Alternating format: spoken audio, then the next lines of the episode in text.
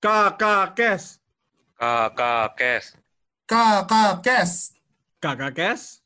Salurkan, saja.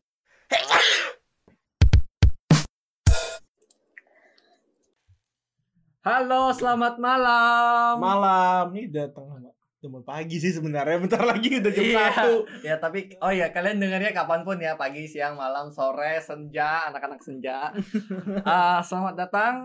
Ini ep- arbiter segmen arbiter di KK Cast, Kakak Cast maaf, nggak apa-apa sih episode ketiga dengan host tercinta kalian Edo dan Kennedy. yoi Yes. kita berdua nih di sini dan kita bakal seperti biasa kita bakal ngebahas mengenai ekonomi Mhm.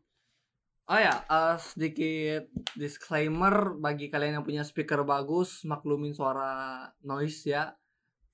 Eh, kondisi kita langsung mulai aja ya. ya Kondisi market pada Agustus.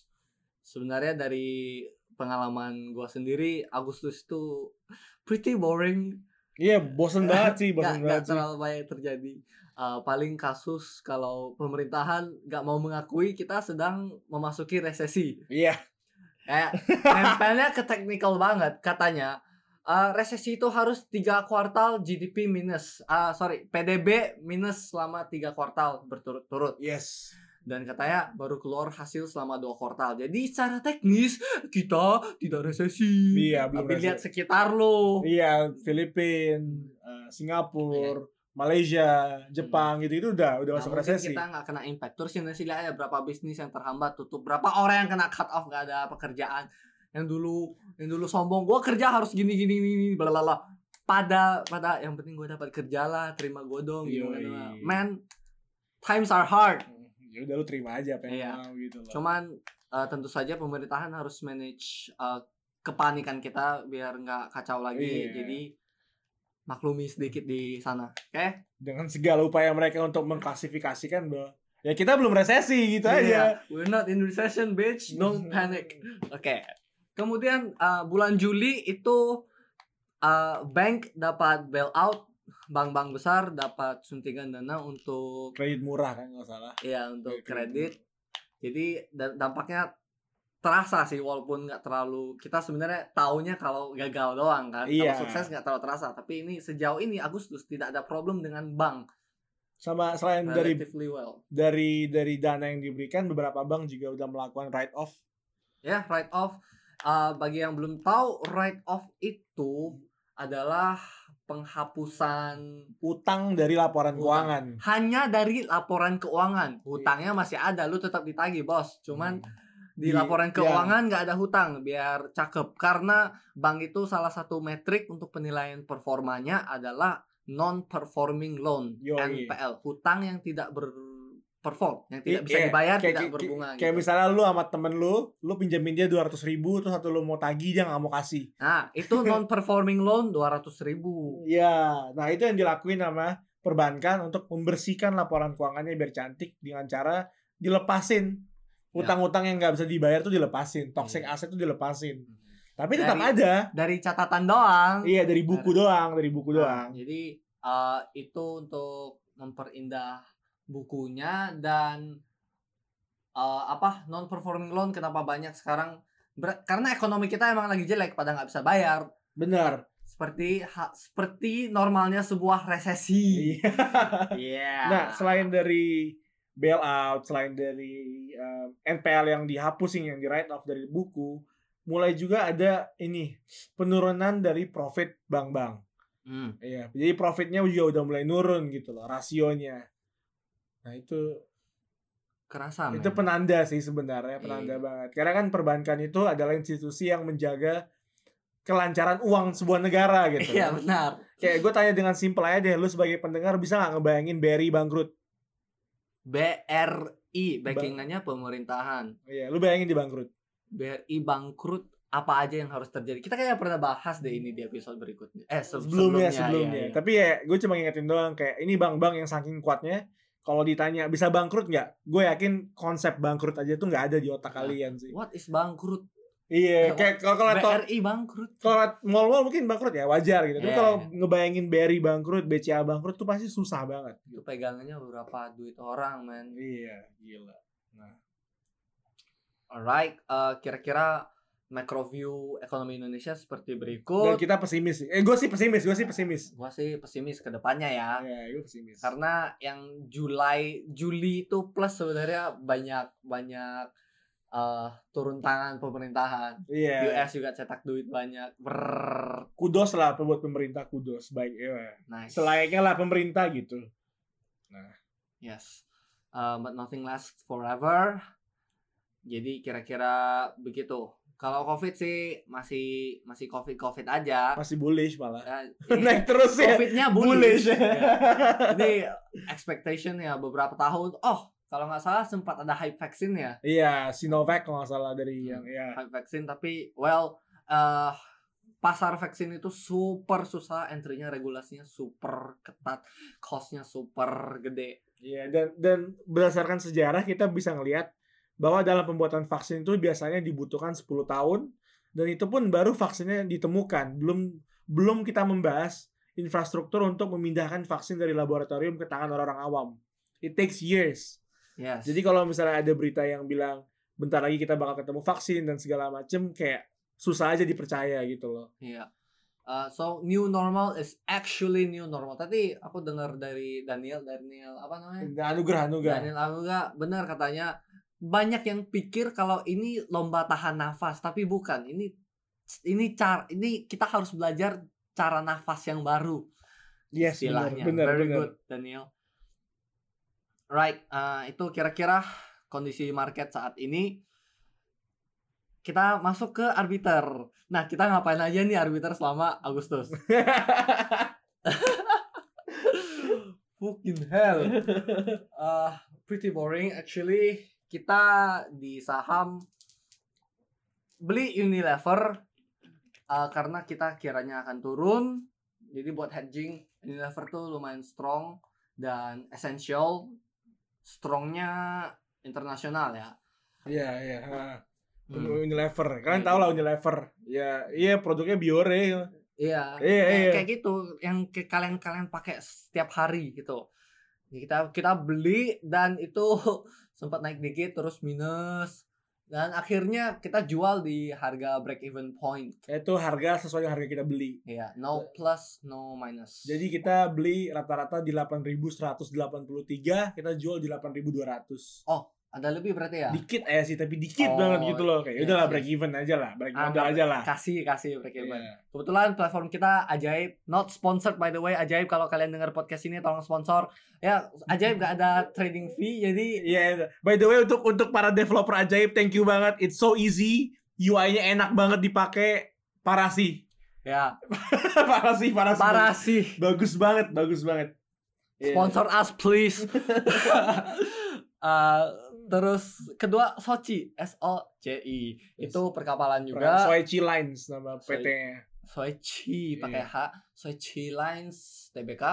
Eh, kita masuk di gue lupa harganya, tapi plus intinya berapa berapa persen ya? 5 persen ya? 7 persen apa 5 persen?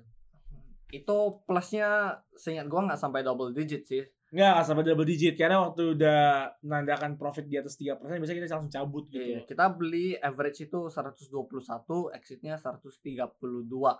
Uh, about 10% actually. Iya, yeah, kan nice Hampir, ya. hampir 10 persen, 10%. hampir 10 persen It's profitnya. pretty good. Dalam sebulan. Sochi eh Sochi perkapalan analisisnya ada di episode sebelumnya. Kalau yang belum nonton, eh belum dengar, dengar.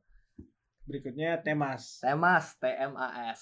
Nah, itu Temas kenapa dibeli? Karena karena kalau ngomongin jujur ya, kita ngeliat SMDR naik, kita ngeliat Sochi naik, ya kemungkinan besar sektor perkapalan bakal bergairah. Ya udah kita beli Temas.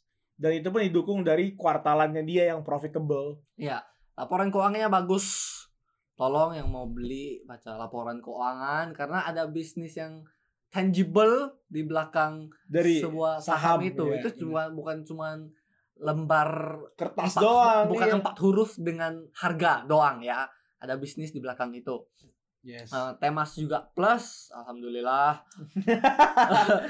Kita Nah, beli di 112. 100 112, 113, actionnya 118, nggak terlalu besar. Tapi tak profitable. tetap Yes. profitable. Cuan is cuan. Cuan is cuan. Rule number one, do not lose money. Warren Buffett. Yoi. Rule number two, remember rule number one, selesai. Yes. Nah, Oke, Itu kira-kira untuk stocks. jadi ini cuma pick 3. Posisi kita apa sekarang untuk stocks? Nggak ada. Kita udah cash out semuanya, udah megang cash doang. Ya, saat ini cash doang kita expect akan sedikit turun kondisi market. Jadi kita akan enter saat itu lagi. Yes. Hmm. Ah, kripto. Uh, cryptocurrency lumayan eh, nyoba kemana-mana bulan ini. Iya, jadi jadi kita keluar dari top top 5 kita kecuali BNB ya, kita keluar dari top 5 dan kita masuk ke top 100 kayak Golem gitu-gitu kayak iya top 50. Oh, pertama pertama awal bulan kita exit BN, posisi BNB yang dari Juli plus tentunya of course Ah, walaupun nggak jauh ya nggak nggak Iya, super nggak super profitable gitu loh. Nah, iya. kita nyoba eh, pertama itu kita nyoba ADA ADA Cardano Cardano nama lengkapnya. itu dari platform Ethereum Binance, EOS. Binance. Binance bukan sih? bukan di bursanya maksudnya itu ikutin sistem EOS gitu Oh, intinya. right, right, right. yang yeah. EOS itu uh, agak rumit dan technical sebenarnya gua nggak ultra hatam kita berdua nggak ultra hatam That's dunia true. kripto itu bubble Ya, itu bubble kok. bubble Selain Bitcoin nggak berani bilang itu bubble kok. yes Eh, Eda posisi kita saat ini masih minus Masih kalau minus. market to market bagian belum tahu market to market itu kita hitung nilai jika dicairkan saat ini juga Itu ma- mark ya. to market, marknya. Nah, Mar- M2M ya Iya, M2M. mark to market Ah, tapi belum direalisasikan karena kita belum sell kita masih hold You're not in loss if you're not selling it. Iya. Iya. technically begitu yes. profit juga ya Iya. guys oke terus kita masuk Zilliqa Z ZIL ya, Zilliqa. Itu, Zilliqa Zilliqa itu uh, kripto yang top 60 kalau nggak salah gue. Hmm, kita dua kali trade yang pertama plus udah realized yang kedua minus, Minus. tapi iya. belum realized Jadi yang pertama kita beli itu di 0,023 kalau nggak salah gue, dijual 0,25, terus masuk lagi di 0,023 sekarang 0,21 Nah, itu USD ya USD. Eh, terus BitShares Nah sebelum kita masuk ke Bitshare sebenarnya kita pisahin tuh platformnya ada yang di Binance Oh, ada yang di iya. Poloniex kan. Nah di Poloniex itu kita membeli kripto yang namanya Golem atau GN, GNT. Nah Golem itu top 120 Mhm. kita beli dan kita biarin aja 15 hari. Ternyata naik dua kali lipat.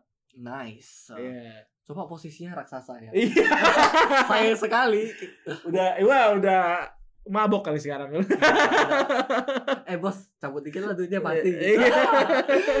aduh Iya, terus coba jumbo, coba all in ya. Nih, profit GNT udah realize 2x yes nah terus eh, duit yang dari GNT kita pindahkan ke BitShares Di share sebenarnya. BTS ini bukan BTS yang Korea. Bukan Yang K-pop, grup dari- ya. Eh, bukan K-pop. Ini BTS BitShares oke Ah, tadi gua mau ngomong oh speaking of B- G- GNT itu ada project di belakangnya mereka pengen eh, ada jaringan untuk komputasi jadi lu kalau mau komputasi sesuatu yang rame berat lu bisa pakai jaringan GNT lu nggak butuh hardwarenya sendiri cuman ya lu bayar ke orang yang lu numpangin GNT itu dengan token GNT-nya sendiri Gua- of course anonymous Lu, Anonymous. lu, lu ngerentalin power dari komputer lu. global ya lu bisa ngentalin power dari komputer lu juga ntar lu dibayarin kalau kepake Hmm. nice gua promosi karena gua suka aja GNT kalau bisa sponsor sponsor kami juga Pakai GNT pun kita terima sih. Ya, Iya dikirim GNT kan nggak apa-apa, nggak Langsung apa-apa. cair ya Oke, terima langsung tukar Nah. Bitcoin terus biarin. Oh, kita episode sebelumnya udah jelasin kan Binance sama Poloniex itu Udah, apa Udah, itu oke. bursa yang dipakai sama kita. yang iya. belum tahu non dengar episode sebelumnya. Sebelumnya, Oke. iya. That's about it. Eh, angka-angka kita gimana? Kasih tahu nggak sih? profitnya aja tulis. Persen aja. ya. Persen aja. Kita profit 7%. persen. Iya. Iya. 7% selama bulan Agustus. It's Not bad considering Eh, karena ini sebulan bukan setahun ya. Iya sebulan gitu. Kita udah ngitungnya dari cash out. Jadi kita profit 7%. Ya, kalau misalnya kita compounding kayak gini bisa bagus sih returnnya. Tujuh persen, Tiap- Eh. tujuh persen, 7% 7%. Eh, lezat juga bos. Oke. Lezat juga iya. Terus gue mati alkohol poisoning. Aduh. Eh, Oke. Terus ngomongin eh, daripada kita cerita-cerita kita ngapain aja, coba kita sharing sedikit. Gua lihat dari beberapa orang yang gua kenal yang baru atau yang udah sedikit nyoba-nyoba eh, saham dulu aja, jangan kripto. Tapi tetap kerjaannya trading dan tradingnya pakai strategi YOLO. Hmm. kayak eh ada yang lihat harga historiknya aja lagi tinggi atau harga rendah top eh yang gua bilang tadi saham itu bukan empat huruf dengan harga doang itu ada bisnis di belakang itu dan bisnis itu punya laporan keuangan jadi ya laporan keuangan baca aja cari aja eh coba pakai aplikasi RTI Business, RTI Business itu informasinya sangat bagus. IDN Financials juga. Kalian berdua kalau ada yang denger tolong sponsor kami juga. Jelas jelas kita kita terima aja lah apapun itu. Lagi cari sponsor nih. Yoi. Ah, ya, jadi baca nggak harus langsung bisa semua. Pilih satu istilah, satu singkatan yang lu lihat di situ, lu cari tahu apa. Satu per hari dalam sebulan lu udah udah bisa ngerti ini apa itu apa. Oke, Mm. karena knowledge dalam segala hal itu eh Building blocks. pakai building blocks ya, batu bata. Lu harus tahu ini sebelum lu bisa Betul. tahu yang itu. Ya Iya, kayak kayak misalnya kalau lu pengen hitung earning per share sebuah saham, ya lu harus tahu dulu revenue-nya, profit marginnya berapa, profitnya berapa, baru lu bagi dengan total saham. Kan itu kan berarti lu harus tahu dulu konsep sebelumnya kan. Benar.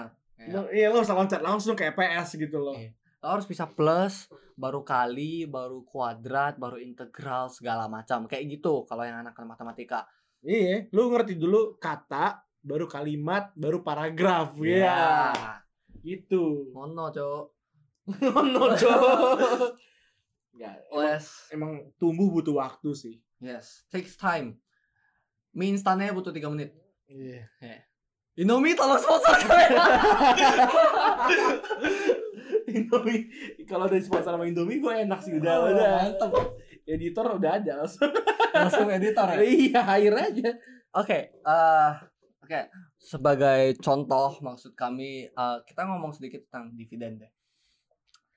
Eh, saham itu ada yang membagi dividen, ada yang enggak. Apa itu dividen? Dividen itu adalah laba dari operasional, sejumlah laba dari hasil bisnis itu berjalan yang Laba dibagikan. laba itu untung, laba itu untung. Ya, emang pada nggak tahu. Ya takutnya nggak ngerti. Oke. Gitu. Untung laba dari operasional bisnis yang di sebagian itu dibagikan kepada pemegang saham dan bagian seberapa banyak sesuai proporsional dengan eh, jumlah saham yang kalian pegang Iya. gitu. Nah, tapi misalnya dalam konteks yang lebih detail, misalnya untung perusahaan satu triliun sebelum dibagikan ke dividen, itu bakal ada rapat umum pemegang saham di mana manajemen bakal berkata, "Oke, kita bakal ngajuin proposal untuk dividen dibagi 30% dari total profit gitu loh." Hmm. itu harus cekcokan dulu lah pemegang saham kalau setuju baru dikasih kalau nggak setuju diputar lagi angkanya diubah lagi sampai semuanya Iya, setuju Benar. Kalau 30% dividen, 70%-nya kemana? Dikantongin. Enggak. Eh, perusahaan itu bisa pegang cash reserve tuh cadangan uang lah tabungan cash tabungan cash Ya, atau di invest ke bisnis itu untuk berkembang lagi atau beli operasional aset. kan iya atau- capex namanya Bayar gaji juga nggak gratis ya.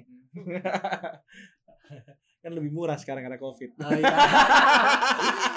ah shit.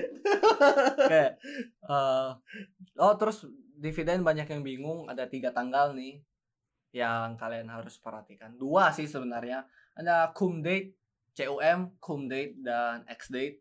iya itu kedua tanggal itu beda satu hari bisnis cum date terus ex date cum date itu hari terakhir yang pemegang saham dicatat sebagai saham eh pemegang yang berhak mendapatkan dividen yep ex date udah nggak bisa tapi ex date baru mereka rekap iya benar karena bursa saham itu ada jamnya jadi untuk hari ini selesai udah besoknya baru mereka rekap tapi yes rekapnya data yang di cum date itu Iya, jadi ya. misalnya misalnya ya misalnya BRI mau kasih dividen di tanggal 25 Agustus. Itu cum date. Itu cum date. Berarti kalau lu megang sahamnya di tanggal 25 Agustus, lu berhak mendapatkan dividen di kemudian hari. Nah, di tanggal 25 lu pegang sampai tutup perdagangan, lu jual di tanggal 26 tidak apa-apa karena lu sudah memegang di tanggal 25 gitu. Iya, makanya di X date sering banget eh Harga sahamnya turun. Iya harga saat tahun karena udah dapat di cum date pada jual aja karena itu orang yang Ngejar beli hanya untuk dapat dividen. dividen. Iya, gitu. benar benar benar. Jadi harga sebelum cum date naik terus pas ex date turun itu karena ada orang-orang yang seperti itu. Pasti kalian mikirnya juga gitu ya. Selamat rebutan kalau kalian dapat beli duluan lebih murah, dapat jual duluan lebih murah ya beruntung lah. Iya. Ya, lomba-lombaan ya gua gua nggak saranin apa-apa ya. Kayak biasanya itu kalau misalnya naik 10% karena dividen setelah X date di mana orang ngebuang sahamnya itu turun 10%. Jadi Iya. sebenarnya balik modal doang. Kacau. Aduh. Oh, by the way kita Unilever nggak sengaja dapat dividen tiga puluh ribu rupiah. Iya karena ya nggak sengaja benar Emang kan? lagi megang aja, nggak nggak ada nggak ada ngincer dividen. Iya. Tahu-tahu eh, Sedo cerita, eh kita apa beli lagi tambah posisi buat dividen. Eh iya, ini kan udah ex date gitu. Oh iya bener. Iya. Oh iya. kita ya keciprat lah, cenah. Nah, ketahuan kan walaupun kita suka bilang baca laporan keuangan, nggak serta-merta kita sangat detail sampai tahu tanggal-tanggal dividennya Iya. gitu loh kayak. Perusahaan Nah, banyak man. Iya, men. Kita lihatnya ke yang lain. Unilever emang kita bukan incar Dividen dividen, jadi nggak nyangka aja gitu loh. Emang Unilever dibeli untuk ngejaga nilai sih. Iya. Tapi ternyata nggak terlalu menjaga. Sempat turun anjir. Oke. Ah, ya udah. Balik lagi ke arbiter. Sekian ya kuliah singkatnya. Eh, balik lagi ke arbiter. Hmm. Ke- Sebenarnya dari episode berikutnya kita sih kasih taunya masukinnya 2 juta ya sebulan. 2 juta ya. 2 juta dari eh, Kennedy dan Edo masing-masing 1 juta. Sebenarnya selama Juli kita banyak dapat investor. investor. Dalam tanda kutip teman-teman kita yang ya udahlah, ini duit tabungan pakai ta- tabungan lebih ya kalau tabungan lebih ya. dan, dan inisiatif mereka kok Iya, kayak tiba-tiba eh gue ada duit nih sejuta, 2 juta, pakai aja. olah lah kau olah lah kau Olah, olah, atur, atur, atur. atur bos Nah, kita biar bahasa kerennya kita sebut LP, limited partner gitu loh. iya LP orang yang taruh ke kita, ke pengelola untuk diolah uangnya. yes Dan itu kenapa kita mengalami kenaikan aset pengelolaan dari 2 juta yang Iya. pertama inisial 2 juta sampai 20. 7 eh aset total AUM kan Iya. 7, 17 ya 17 lah, tapi tapi sekarang 20-an ya. Iya, iya da- total dananya sekitar 20 di Iya, akhirnya Oh. Iya, Tapi benar, benar. total masukan sekitar 17 Next 9 kali lipat. Eh, la- 8, koma berapa lah? Oh, 8,5. 8 8,5. eh, kali lah 8 kali ya. oh pretty good actually Enggak, pertanyaannya kok bisa kalian percaya sih? kok kalian percaya ya ya ya udahlah ya. kita udah jelas-jelas bilang ini masih belajar gitu Mudah-mudahan jangan kayak Joska yang Eh, fuck Jos taruh yang di saham luck ya. Ya best of luck udah. Jangan beli luck itu candaan ya. Hmm. nah. Jadi jadi karena kita udah mulai main di angka puluhan juta nih, udah mulai berasa gitu loh. Karena minus satu persen aja itu sebenarnya dua ribu kan. Iya. Minus seratus persen. Ah shit man dari seribu. Dua ribu minus sepuluh persen dua juta, dua juta ini kita bisa beli apa? Bisa beli Samsung A 31 Iya daripada kayak Bisa gua kan makan-makan. trading trading minus. Iya. Ini beli makan. Ya itu. Jadi jadi mulai berasa aja beratnya. Kalau misalnya kita udah megang 100, 1 miliar ter lebih berasa lagi sih. Iya. 0, koma berapa udah sakit hati kan. Atau triliun. Nah. Makanya saat ini arbiter eh, ada portofolionya kan cryptocurrency dan saham dan kita saat ini sedang lebih fokus ke saham Iya. karena pasar kripto lagi menggila banyak koin baru banyak platform baru Banyak token-token gak jelas. Iya, prediksi kami sih ada eh, gelombang shitcoin yang kedua. Iya, kayak tahun 2017 kan. Iya. Dampaknya apa 2018 kalau yang main kripto tahu semua minusnya nggak lucu. Bitcoin dari 20.000 ke 3.000. Iya, itu gak lucu banget sih. Nggak lucu. Lu ngalamin dong. Nggak suka nih pertanyaannya. Eh, by the way, Binance udah tembus 23,7 nih. Bagus Oh, banget. BNB. Iya. Gue megang cuy. Wey. Bisa nih arbiter nih. Ya. Iya. nah, jadi eh, saham sama kripto. Kripto itu unggulnya, likuiditinya sangat tinggi. 24 jam. Nggak ada liburnya, nggak ada jam trade-nya. Hmm, judi terus, judi Iya, terus. Jadi Terus. Masalahnya itu tidak sepredictable saham. Nowhere near. Karena itu fundamentalnya eh, Be- beneran free market itu. iya, Iya, Supply market. demand doang udah. nggak ada ARA, ARB. Bagi yang nggak tahu ARA itu apa silakan. KRA itu berarti misalnya kenaikannya udah melebihi di momen covid ya udah melebihi kalau nggak salah 15% perdagangan berhenti Ya. jadi auto reject atas Nggak bisa naik lagi harganya. iya bener kalau dulu sebelum covid naiknya 35% jadi kalau misalnya harga 100 sampai 135 itu perdagangan udah tidak bisa dilakuin udah selesai udah berhenti gitu loh Wes.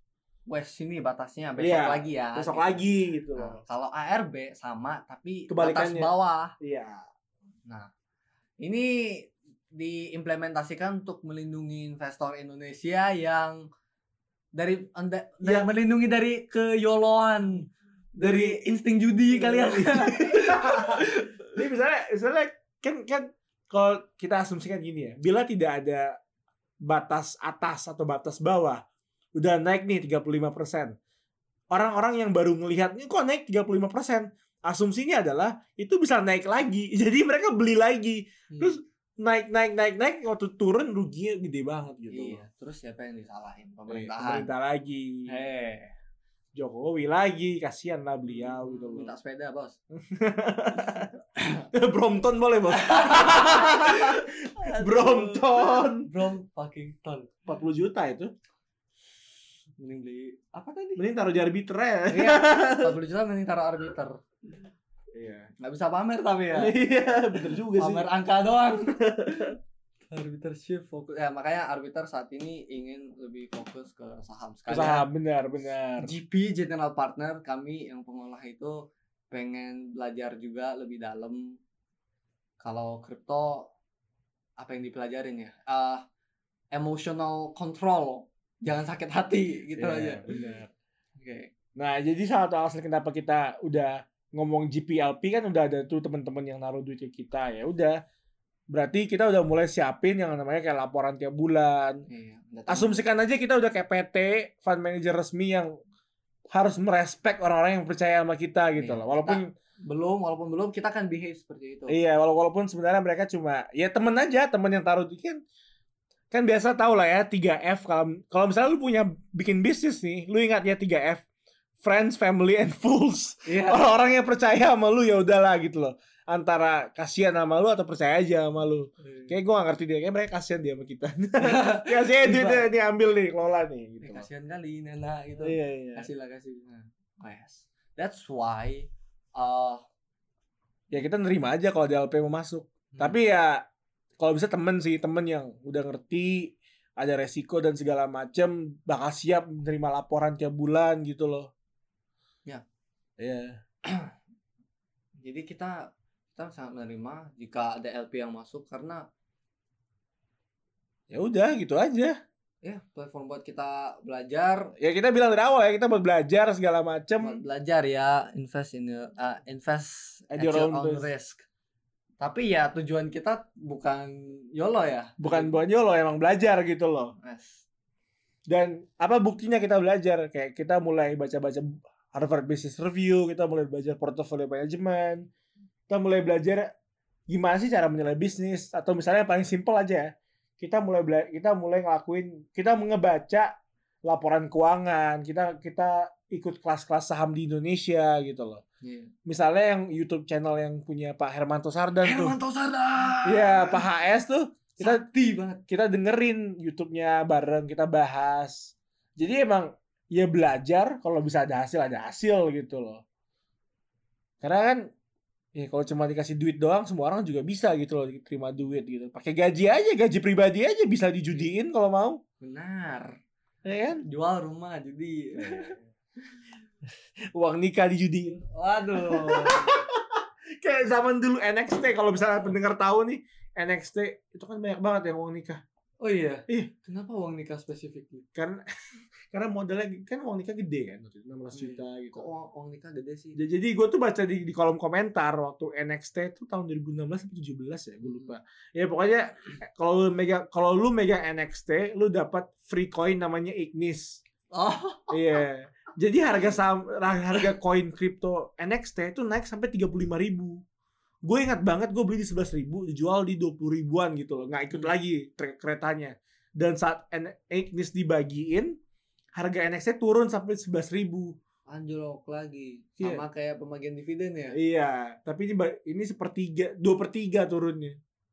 Dulu- Terus gue ngeliat di bagian komentar kayak ini uang nikah, ini uang beli ini, beli itu. Gila sih. Eh, uang nikah dan Jadi judi, men. uang nikah versus nikah versus judi dua-duanya bad choice sih tapi Aduh. Oke, banyak banyak eh, penjunjung tinggi nikah kalau keberatan sama gua ya Overrated nggak sih? iya. itu itu akan Enggak. itu akan jadi diskusi Sekarang kita cek. bagian lain. Kita lihat NXT. Sekarang harganya 0,01 dolar. 0,01 dolar itu 1300. 1500 ribu 145 rupiah. Hah, sumpah? Coba convert 0,01. kali 14.500. Eh. 145 rupiah. Dari 35 ribu loh. Duit nikah kalau 60 juta jadi 600 ribu. Buat ke KUA. Cukup ke KUA aja doang. Kau kurang butuh sejuta kan? Ya itu kan, biaya nikah cuma sejuta kan? iya. Hmm. Kita bisa nikah sebulan sekali kayaknya. Iya, sebenarnya nikah itu resepsinya yang mahal ya. Iya, Oke, sorry melenceng jadi nikah. Eh, sekian aja sih episode mengenai arbiter bagi pendengar yang kepo pengen nanya atau sesuatu. eh, silakan tanya aja ke KKcast, KKcast, ada Instagramnya apa dok? kakakes.id gitu aja Hmm. at kakakes.id KK C A S T titik ID. ya aduh Iya. Right. Eh, udah malam, udah pagi cuy udah pagi ngantuk jadi seperti biasa salam SNI Eh, maafkan bila ada salah nggak usah dimaafin deh terima aja kalau ada salah ya Eh, semoga semoga episode ini berguna sedikit sedikit meng, Hmm, men- kalau bisa Iya, mendorong mendorong kalian untuk invest untuk belajar untuk mengolah atau jadi LP kami iya Ya LP atau atau mendorong mendorong uh, Indomie dan Indomie mendorong pl- apa platform yang kita pakai jadi sponsor ya tunggulah Uh, thank you very much thanks for listening bye stop ya Kakak Kes. Salurkan saja.